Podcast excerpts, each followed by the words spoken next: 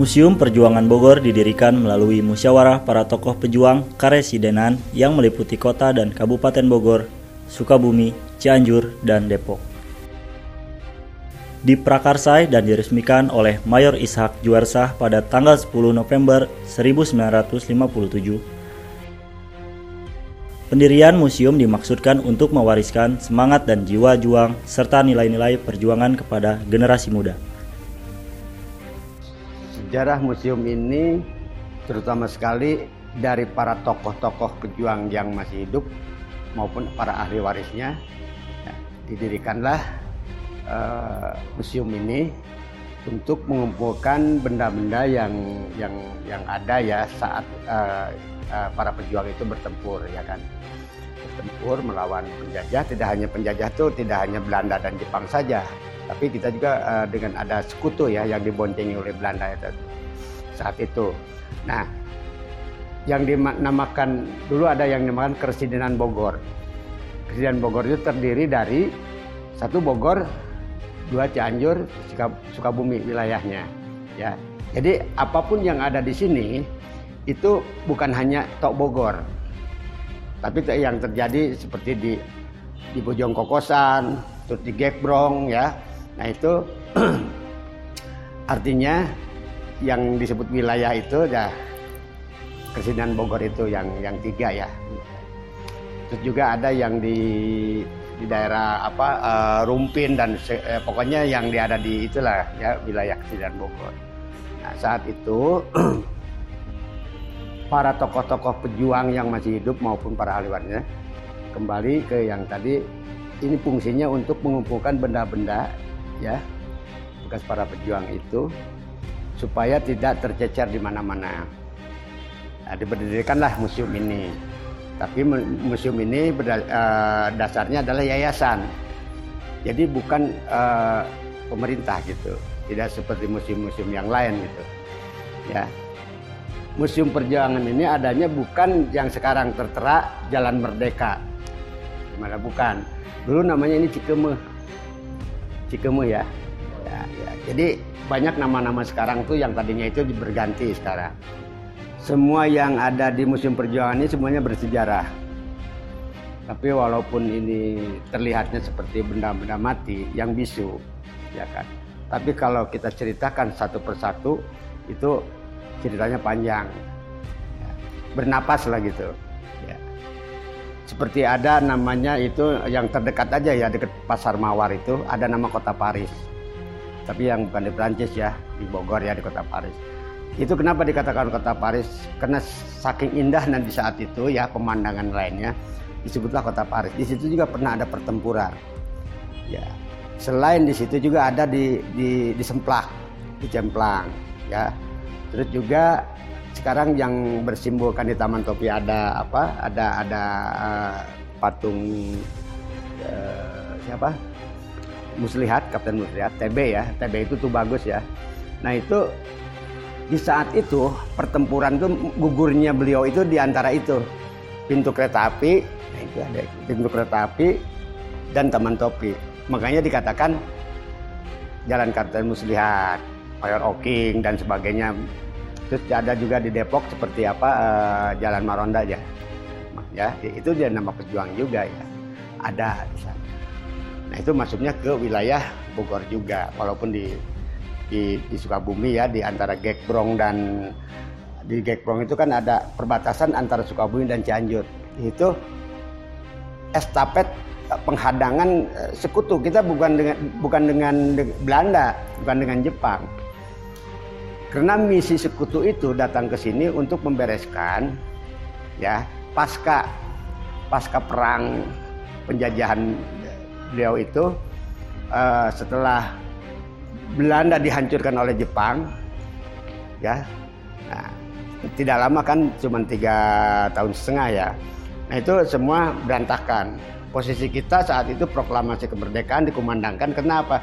Dua-duanya dalam keadaan lemah Jepang sudah dibom ya. Ya pertama Nagasaki dan Hiroshima. Terus juga posisi Jepang sudah dihancurkan, eh posisi Belanda sudah dihancurkan oleh Jepang. Makanya datang satu misi, misi eh, yang itu dikatakan sekutu. sebenarnya itu itu dimanfaatkan oleh Belanda, ya kan? Aduh, nah, tapi akhirnya mereka sendiri jadi bertempur dengan kita. Sebenarnya bukan penjajah dia itu. Hanya misinya untuk uh, setelah pasca perang itu untuk memulangkan semua orang-orang uh, Jepang dan orang-orang Belanda. Tapi Belanda keke, ya kan? Nah, jadi dia mengemas seindah itu.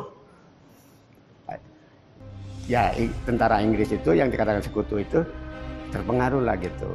Terjadilah beberapa pertempuran waktu pertempuran itu bukan dengan Belanda, dengan Inggris ya dengan sekutu lah dengan sekutu. Museum perjuangan ini tidak seperti museum wisata. Ya kan? Kalau museum wisata kan ada pengunjung tidak ada pengunjung petugasnya adalah PNS jadi digaji lah ya kan? Dan tidak lebih banyak seperti yang uh, di museum-museum lain. Kalau di sini tertentu aja. Itu datangnya juga tidak terlalu banyak mereka itu sebelum jadi tentara ya pejuang ya dari semua uh, kesadaran rakyat masyarakat mereka tuh ya berjuang lah seadanya gitu. Paling ada kesadaran dari uh, masyarakat diberikan nasi bungkus ubi itu seperti itu aja. Kami juga pernah mensosialisasikan kepada sekolah-sekolah uh, SD SMP itu memberikan suatu apa uh, apa pemberitahuan kalau bisa berkunjung. Maksudnya untuk menjadikan satu income ya untuk uh, ya sedikit-sedikit apa yang harus kita benahi di sini. Kebersihannya terus juga uh, apa seperti WC dan lain-lain kan itu seperti pintu ya. Kemarin juga udah rusak kebetulan ada ada sedikit-sedikit itu kita kumpulkan akhirnya di, diperbaiki lah pintu itu kan udah udah rusak ya. Nah, gitu. Kan ada ya jas merah ya. Melupakan sejarah adalah bangsa yang baik itu walaupun bagaimana keadaannya itu bangsa yang menghargai para pahlawannya itu deh pada dasarnya, Gedung Museum Perjuangan Bogor merupakan sebuah yayasan yang menyimpan peninggalan sejarah-sejarah perjuangan di kota Bogor. Satu hal yang sangat disayangkan oleh museum ini adalah atas nama yayasan yang membuat pemerintah bersikap kurang peduli atas semua peninggalan bersejarah yang berada di museum ini. Melihat kondisi ini, sejarawan dari Sekolah Menengah Atas Informatika Pesat mengatakan, daya tarik museum tidak kalah jauh ketimbang mall dan wisata lainnya. Dengan demikian, seharusnya Museum Perjuangan ini ramai pengunjung. Namun, karena kurang baiknya fasilitas, museum ini menjadi kekurangan daya tariknya. Ya, mirip sekali ya kalau dibilang Museum Perjuangan kurang diminati masyarakat terutama bagi para pemuda dan pemudi Indonesia sebenarnya kan museum itu ditujukan untuk para masyarakat yang untuk lebih mengenang sih sebenarnya atas perjuangan uh, para pahlawannya terdahulu gitu. Karena mungkin sebagian besar juga uh, kalah ya karena banyaknya mall banyaknya kafe yang buka banyaknya tempat-tempat nongkrong yang digandrungi para anak muda terutama bagi para uh, pelajar gitu. Nah hal ini justru menjadi catatan penting sebenarnya untuk pemerintah. Bagaimana caranya mereka mengemas museum menjadi yang lebih baik lagi menjadi trendy dan segala macamnya gitu. Dan memang harus adanya anggaran sendiri sih dari pemerintah untuk lebih memperhatikan museum-museum di daerah Bogor. Sebenarnya sih tidak hanya untuk di Bogor ya, tetapi di seluruh Indonesia gitu.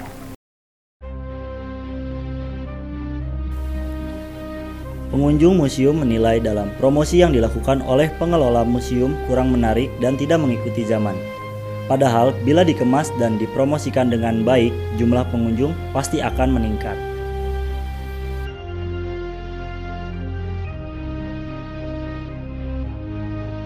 Ya, menurut saya sendiri ya sebagai murid uh, mesti perjuangan di Bogor ini ternyata sangat kurang memperhatikan karena ya kurangnya minat para pelajar maupun orang-orang lain tentang per, per, sejarah perjuangan dari bangsa kita tersendiri. Ya, jadi harusnya warga kita ini harus mengetahui lagi tentang sejarah bagaimana negara ini merdeka dari perjuangan-perjuangan di masa ini. Menurut saya terutama kami dari SMA Negeri 1 Cimunggulang museum ini kan sangat bersejarah banget ya di Bogor. Khususnya dari benda-benda uh, terus segalanya lah di sana ada pastinya. Sangat bermanfaat banget kalau kita datang ke sana. Nggak ada ruginya ya. karena sejarah kan kita tidak ada kalau tanpa sejarah. Uh, menurut saya solusinya kita dari saya sendiri ya uh, menyebarkan ininya apa informasi informasi informasinya ke medsos gitu. Betapa pentingnya. Terus kalau bisa ke guru lah gitu. Uh, ngasih tahu gitu bahwa sejarah itu penting